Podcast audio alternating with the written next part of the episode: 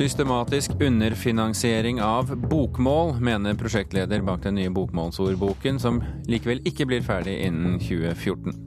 Drapstrusler til tross, oppfølgeren til kontroversiell Bollywood-film om homofil kjærlighet spilles inn, og det i Norge. Filmfestivalen i Haugesund åpnet i går. Vi har vårt team på plass, og du skal få høre hvordan det var der. Du hører på Kulturnytt med Birger Kålsrud Aasund i studio. Bokmålsordboken blir ikke ferdig innen fristen som regjeringen hadde satt til grunnlovsjubileet neste år. Det blir derimot nynorskordboken. Kanskje ikke så rart, siden 2002 har Kulturdepartementet gitt bokmålsordboken en fjerdedel av støtten som nynorskordboken har fått. Vi må jo kalle dette et eh, meget nøkternt prosjekt, gjerne et svareblussprosjekt. Men vi gjør så godt vi kan. Det sier prosjektleder for Den norske akademis store ordbok, Petter Henriksen. Regjeringen hadde som mål at Norsk ordbok, Ordboken for nynorsk og Det norske akademis store ordbok, Ordboken for bokmål, begge skulle være ferdigstilt i anledning grunnlovsjubileet i 2014. Vi har, har, eh, bare måttet konstatere år etter år at uh, vi over statsbudsjettet at bokmålet er blitt uh, systematisk underfinansiert. Bokmålsordboken som lages i samarbeid med Universitetet i Oslo blir ifølge Henriksen ikke ferdig før i 2017 grunnet mangel på pengestøtte. Det er jo beklagelig fordi det er essensielt for norsk bruker og norsk som språk at begge målformene har en stor og dekkende ordbok, også den norskformen som nær 90% av befolkningen bruker. Støtten fra Kulturdepartementet til bokmålsordboken har vært mindre enn til nynorskprosjektet. Det bekrefter statssekretær Kjersti Stenseng. Men hun avviser at bokmålsordboken har blitt systematisk underfinansiert. Når du har et prosjekt som eh, ikke har de økonomiske rammene som du skulle ønske at det skulle fått, så er det jo underfinansiert. Men det er jo ikke nødvendigvis statens ansvar. Her er det jo et prosjekt som har hatt eh, større økonomiske rammer enn det har vært budsjettmidler til. Arbeidet med Norsk ordbok, som skal gi en oversikt over dialekter og det nynorske språket i tolv bind, samt i en database på nett, ble påbegynt på 1930-tallet. Det verket blir ferdig innen fristen i 2014, forteller prosjektleder Åse Vetås, som vi treffer på Samlagets lanseringsfest. Vi leverte eh, bind 11 av verket til trykking nå i sommer. Det kommer til å bli lansert i september, og til utgangen av neste år skal vi ha ferdig det tolvte og siste bindet av Norsk ordbok. Prosjektleder Henriksen i Det norske akademis store ordbok forteller hva de kommer til å få i støtte dersom de får det de søker om. Hvis bokmålet får det vi ber om for å bli ferdig i 2017, så um, vil vi ha fått til sammen 50 millioner av staten. Det er jo ikke mye, men vi uh, skal nå klare oss så godt vi kan. Henriksen sier det er synd at den nye bokmålsordboken ikke blir ferdig innen fristen i 2014. Alle andre kulturspråk har jo sine store ordbokverk, og det er uh, ille at norsk foreløpig ikke har det for uh, den målformen som de fleste bruker. Reporter her, det var Jelena Kabo.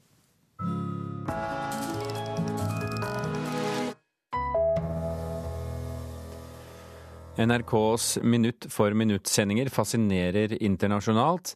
I oktober tar NRK med seg konseptet til den internasjonale TV-messen i Cannes. Programsjef Rune Møklebust sier til Dagbladet at Bergensbanen, som var det første sakte-TV-programmet til NRK, var en nachspiel-idé som overlevde. Neste konsept ut er strikke-TV. Sara Riedel og Nils Landgren er eh, nye musikksjefer ved Kulturhuset i Stockholm. Riedel er jazzpopsanger og skal ha ansvaret for Kulturhusets økende konsertvirksomhet. Hun får hjelp av jazztrombonisten Nils Landgren, som skal ha ansvaret for festivalvirksomhet ved huset. Kulturhuset består av seks institusjoner, hvor annet Stadsteateren inngår.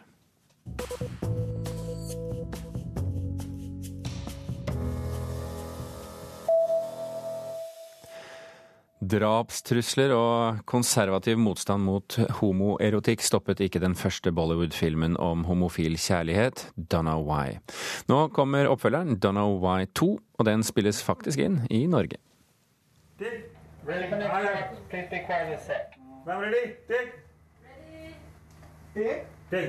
Seks indere står tett i tett rundt et kamera inne på et knøttlite bad i et helt vanlig bolighus på Bekkestua. I stova ved siden av sitter en indisk og en norsk regissør og følger med på en skjerm. Uh,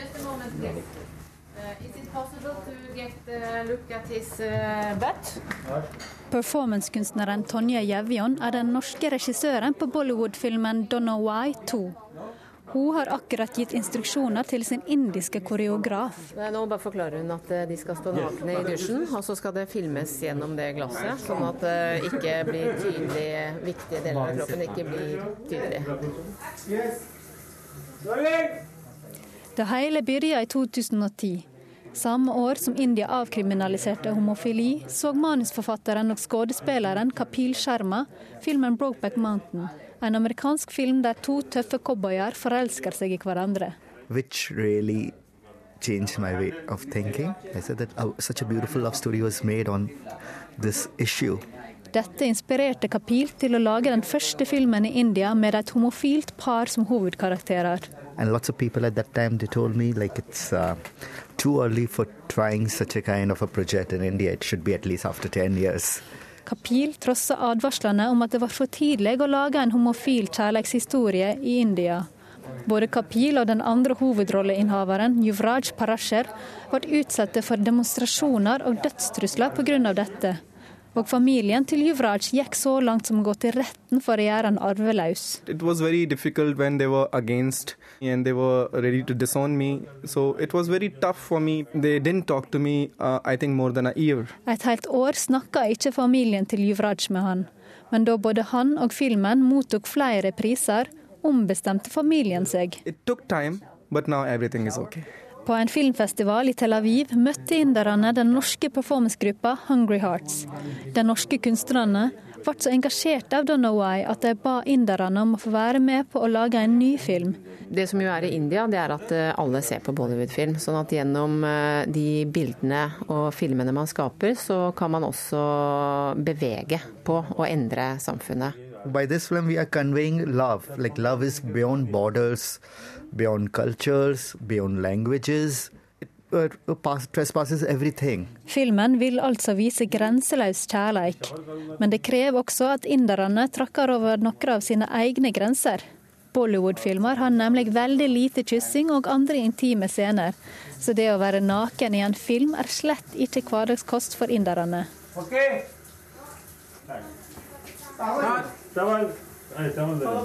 Kapil innrømmer at han syns det er litt flaut å være naken foran et helt filmsett, særlig med kvinnelig regissør. Men han er villig til å ofre sin egen sjenanse. Work is a work. Eventually you have to do it. You have to remove from your mind like who's watching, whether it's a male or it's a female. You have to just go ahead and do it and finish it fast. but you were prepared because you wrote it. Uh, well, this input was from the Norwegian writer. but then it was a very beautiful uh, shot, so I'm happy about it. Kapil understreker at det er de norske medforfatterne altså, som har skrevet eh, nakenscenen, men han har eh, troen på at den er verdt sjenansen. Reporter her, det var Jean Kristin Sena.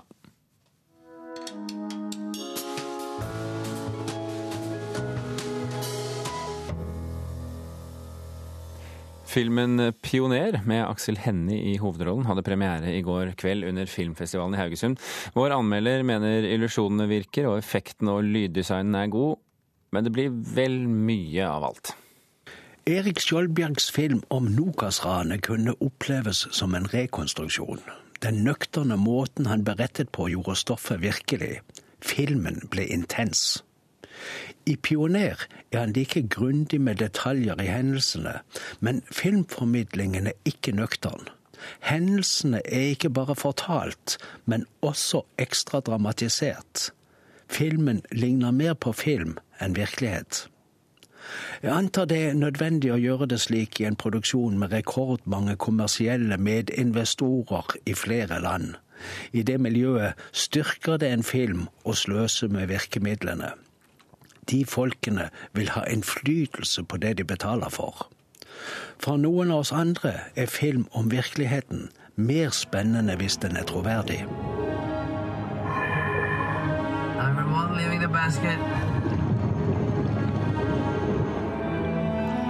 Effektene er godt utført, og illusjonene virker. Musikken driver stoffet opp og frem Men det er veldig mye av alt dette ekstra. Filmen er spennende, bevares. Vi vet jo litt om stoffet i den. I perioder har vi følelse av at det som vises, er som det var. Når det er slik, er filmen intens. Forventningene gjør nok en del med opplevelsen vi får. Vi skal se en film om de første dypvannsdykkerne i Nordsjøen. Vi er også forberedt på de tvilsomme situasjonene som oppsto den gang, fordi alt ble gjort for første gang, og fordi alt var drevet av store profittmuligheter. Vi er ikke forberedt på en heltehistorie i tillegg, der én dykker alene står opp mot all makt og risikerer livet flere ganger daglig for å få frem sannheten om dypet og det som hender der.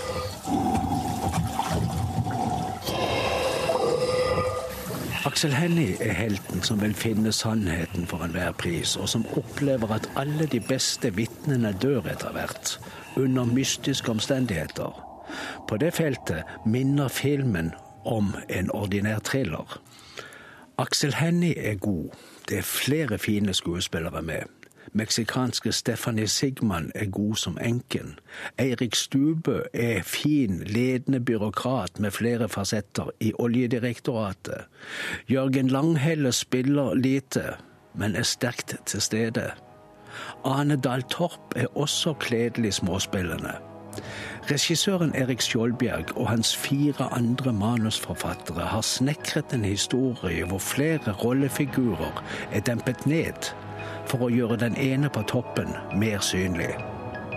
Det er sånn det er i film nå.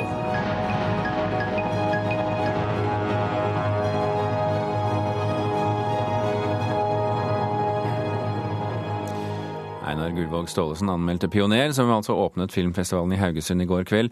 Kollega i Kulturnytt, Ugo Fermariello, du er på plass i Haugesund. Hvordan var åpningskvelden? Det var ganske vått, og så var det store røde løpere og mange bunadkledde jenter. Og så kom kulturministeren i rød bil, eh, i rød kjole med mange sorte biler bak seg og mange livvakter. Og så eh, tre fulle saler skal til for å få alle inn på gallapremieren med Erik Skjoldberg og hele teamet. Så er det ganske gøy, da, fordi etter en sånn premiere så er det jo applaus som om det var en teaterforestilling. For endelig får vi se alle de hundrevis som står bak enhver film, som pioner i går. Hva skjer i dag, da? I dag begynner det. Eh, det vrimler da i Haugesund, eh, som er ganske regntung eh, i morges, men det skal letne. Men det vrimler allerede av filmfolk, for filmvisningene begynner allerede før klokken ni. Og så kommer regissører og skuespillere på løpende bånd. Og alle forbereder seg til Amanda-utdelingen, for den skjer i kveld. Skal vises på TV, riktignok på TV 2. Men, men dette skal jo vi fortelle mer om i radioen. Ja, for det er jo ikke bare filmfolket som forbereder seg, det er radiofolket også. En eh, time ettermiddagssending fra Haugesund, eh, hva får vi høre? Annet får vi møte Per Fly, den danske regissøren som laget 'Arven'. Nå har han laget en film, 'Monica Zett'. Den handler selvfølgelig om vidunderlig sofistikerte Monica Zetterlund. Eh, svensk jazzsangerinne som gikk fra å være telefonoperatør til å stå på de største scenene i New York og over hele verden. Eh, han kommer. Aksel Hennie, hva nå, spør vi. Han eh, fikk jo ganske mye skryt her av Einar Gullvåg Staalesen, som også for øvrig skal se filmen om Monica Zett, håper vi, og fortelle oss hva han synes om den. Pål Sverre Hagen og Laila Goody, to norske skuespillere som har flere Amanda-nominasjoner, kommer for å snakke om eh, det betyr noe, dette med Amanda, som eh, skjer i kveld. Og så har vi Fredagspanel. Og da samler vi bare filmkritikere for å fortelle om gleder, skuffelser, forventninger om filmhøsten. Dette høres helt fortreffelig ut, Ugo. Vi eh, hører mer fra deg og fra Haugesund klokken 16.30. Det blir en hel time med bare film fremover. Takk skal du ha. Klokken er eh, drøyt 17 minutter over åtte. Du hører på Kulturnytt, og dette er toppsaken i NRK Nyheter akkurat nå. KrF kritiserer Høyre for å bruke 22.07 mot Stoltenberg i valgkampen. 22.07, eh, der fikk statsministeren vist eh, både fremragende lederegenskaper på enkelte områder. Så ble det selvfølgelig avdekka svakheter, men det var òg svakheter med det totale systemet. Og jeg syns ikke det er riktig å stille spørsmål rundt statsministerens lederegenskaper eh, når det gjelder den saken som eh, enkelthet. KrF-leder Knut Arild Hareide. Eldre mennesker med angst og depresjon blir sviktet av helsevesenet. behovet er der, men tilbudet er ikke tilstrekkelig. altså Langt derifra. Det tilbudet de får, er en, en eh, pillekur, eller en, at de går på et eller annet beroligende tabletter. Men, men i hovedsak så er det medikamentell behandling som er tilbudet. Eivind Åkhus i Legeforeningens alderspsykiatriutvalg. Det er varslet nye store demonstrasjoner i Egypt etter fredagsbønnen i dag. Fra moskeen oppfordres Morsi-tilhengeren til å gå i tog til Ramstedstorget her i hovedstaden. Og det kan lett utløse nye blodige sammenstøt, både med politi og sikkerhetsstyrker, men også med tilhengere av overgangsregjeringen som det militære satte inn etter å ha fjernet Morsi 3.7. Og du hørte korrespondent Lars Sigurd Sunna nå. Så skal vi til Kammermusikkfestivalen i Oslo.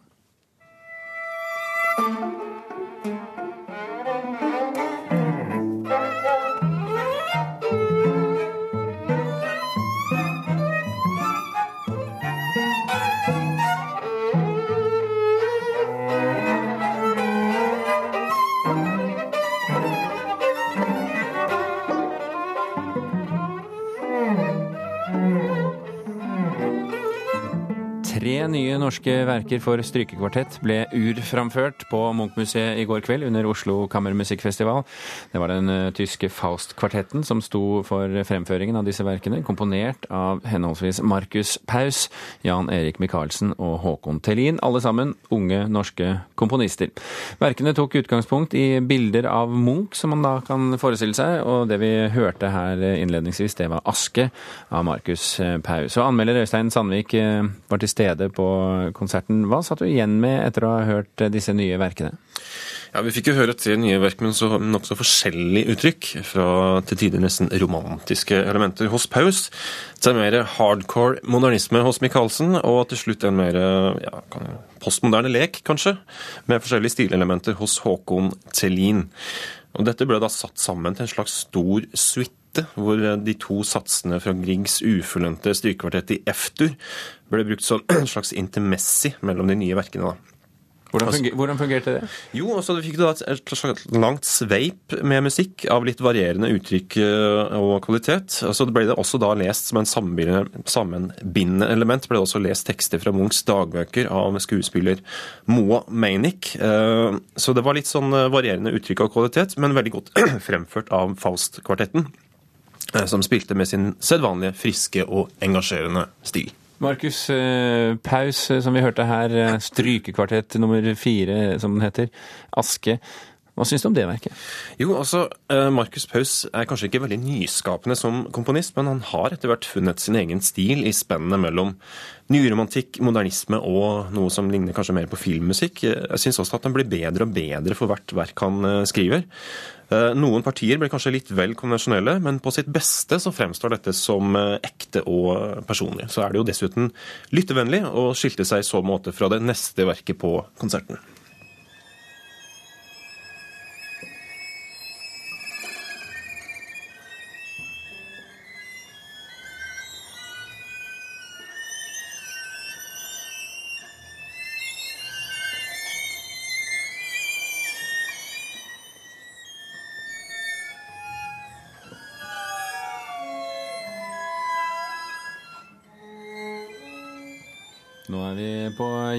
Jan Erik Michaelsens Munch-sonate, som er da inspirert av Skrik. Eh, vi, du hadde rett, det er litt annerledes. Ja, dette er jo nokså mye mer krevende å høre på. Her har du på en måte hele registeret av ukonvensjonelle spillemåter på strykeinstrumentene. Fra visling og gnissing og skraping og alt sammen. Men, men likevel ekspressiv musikk, sånn som jeg opplever det. Og det er kanskje paradoksalt at et verk som er inspirert av Skrik, er så stillferdig. For dette var virkelig en sånn utforskning av pianissimo. Men det er jo et stumt skrik på sett og vis også? Kanskje det er den indre tilstanden i forkant av skriket som skildres her. Eh, men du kan si at det som mangla i volum, tok det igjen i intensitet. Og helhetlig vurdert så var det kanskje det beste verket på konserten. Også en veldig fin form, en slags eh, fin blanding av tilstand og utvikling. Dette var altså en av de siste konsertene under Oslo Kammermusikkfestival i år. Hvordan har festivalen vært som helhet? Jo, også Festivalsjef Are Tøllesen har igjen lykkes med å løfte frem nye norske talenter. og Dette har jo vært Oslo Kammermusikkfestivals grunnidé hele tiden. Altså, Vi fikk jo alle hakeslepp av tolv år gamle Joakim Rødbergshagen på åpningskonserten. Ellers så har jo da dette ensemble Allegria, altså det eh, unge kammerorkesteret som til dels består av musikkstudenter, har fått VIS-FM på hele tre eh, konserter. De holdt en veldig konsert eh, på søndag, hvor de liksom presenterte noe av kjernerepertoaret sist. Og det, det samme gjelder for så vidt Faust-kvartetten, som spilte på konserten i går. De har holdt på en god stund, men er likevel litt sånn young and upcoming. Eh, vi hadde et, eh, et, verk til på Munchmuseet i går kveld, og det var 'Solen' av Håkon eh, Tellin. Vi skal høre litt på slutten her. sånn. Vil du si et par ord om, om det òg? Ja, Det er definitivt mer utadvendt musikk enn det vi hørte hos Michaelsen i stad. Litt sånn humoristisk, sånn som jeg opplever det, med rene sitater fra folkemusikk. Og noen partier er riktig morsomme, men som helhet så blir verket litt kaotisk, og kanskje litt for mange ting som skjer på en gang, i litt lange strekk, og litt for langt. Altså det er opp mot 20 minutter, og det er muligens litt lengre enn ideene bærer. Men likevel kanskje det mest originale verket, og godt skrevet for strykere. Vi rekker ikke 20 minutter, vi rekker mer enn 20 sekunder. Vi skal høre litt fra solen, vi, Håkon Tellin til slutt her. Tusen hjertelig takk, Eivind Sandvik, for at du kom til Kulturnytt.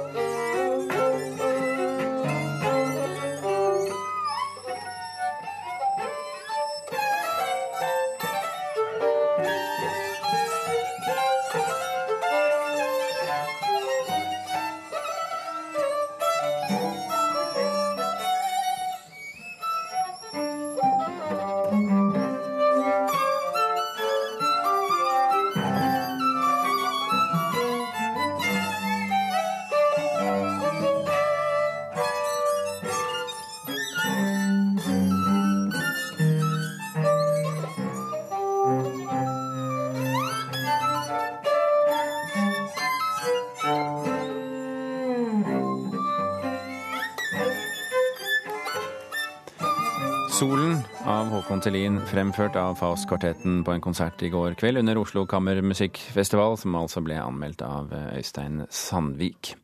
Fra Oslo til, eh, til eh, langt oppe i Dalom.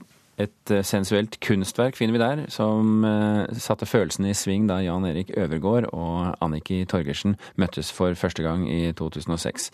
Nå skriver samboerne en ny serieroman sammen, inspirert av deres felles interesse for Østerdalen og kunstmaling. Nå er vi på Sottahaugen, helt på grensa til Forhålagna nasjonalpark. På ei seter langt inn i Vanngrøftdalen i Nord-Østerdal sitter samboerparet Anne Ki Torgersen og Jan Erik Øvergård og dikter. Det er jo helt fantastisk, da. Det er viktig å hente litt inspirasjon fra det samme området. At man har følt naturen på kroppen sjøl når man skal skrive om det. Ellers er det litt vanskelig å skrive bygderomaner.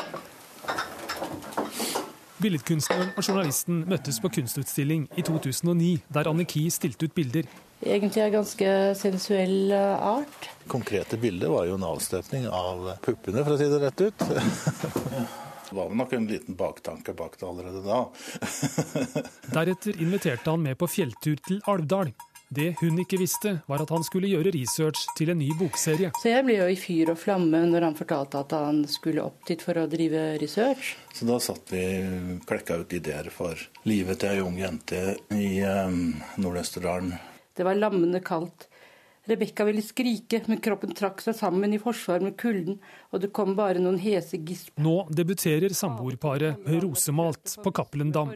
Om 17-årige foreldreløse Rebekka fra Hamar som drømmer om å bli malerinne, men som havner som tjenestejente på en stor gard i Østerdalen. Nord-Østerdalen er det blitt fordi at jeg er herifra. Jeg er fra en gård. Altså, jeg slapp å gjøre veldig mye research, fordi at eh, jeg har jo levd sammen med oldeforeldre som er født på samme tid som det Rebekka i Rosemart er. Og Da jeg vokste opp sånn tidlig på 60-tallet, så drev vi jo fortsatt uh, gårdsbruk med, med hest og, og, mer primitive hjelpemidler. Og som den gangen kanskje ikke var så fryktelig forskjellig fra sånn som det var på, på slutten av 1800-tallet. Og Jeg er jo veldig opptatt av eh, kvinnelige malere og deres vilkår, og spesielt 1800-tallsmalere, som hadde det veldig vanskelig i forhold til mannlige malere. Vi må vel ha litt sterk kaffe, så vi holder oss vaken. På setra i Nord-Østerdal klekker de ut handling med intriger og kjærlighet til nye bøker. Jeg tenkte jeg kunne skrive om den geita som vi så i går, ja. som hadde fått tre killinger. Til tross for over en halv million lesere har serieromaner fortsatt et dårlig rykte som litteratur. Samboerparet håper den nye serien 'Rosemart' kan tilføre noe nytt. Det er jo ikke så mye fokus på erotikk og spenning. Altså, folk er mer interessert i å bli kjent med et uh, miljø, med en del av historien, kanskje lokalhistorien. Hvordan folk uh, levde og klarte seg uh, før i tiden. Det har begynt å bli tatt litt mer på alvor også i mediene.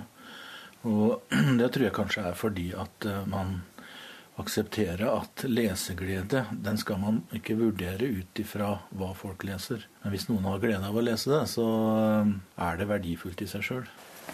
Skal vi se, nå, det, ja, nå viser det faktisk ni grader. Det er sjeldent at et samboerpar, og spesielt en mann, skriver serieromaner med unge, sterke kvinner i hovedrollene. Offisielt så er jeg vel den eneste. De er enige om at uten samarbeidet hadde det ikke blitt noen bokserie. Jeg tror ingen av oss egentlig hadde fått det til hvis vi ikke hadde hatt uh, hverandre. Reporter i Østerdalen, det var Stein S. Eide. Og det var det Kulturnytt hadde i dag. Produsent Ina Strøm, tekniker Per Ivar Nordahl og Birger Kolsrud Aasund takker for følget. Hør oss igjen i Haugesund i ettermiddag.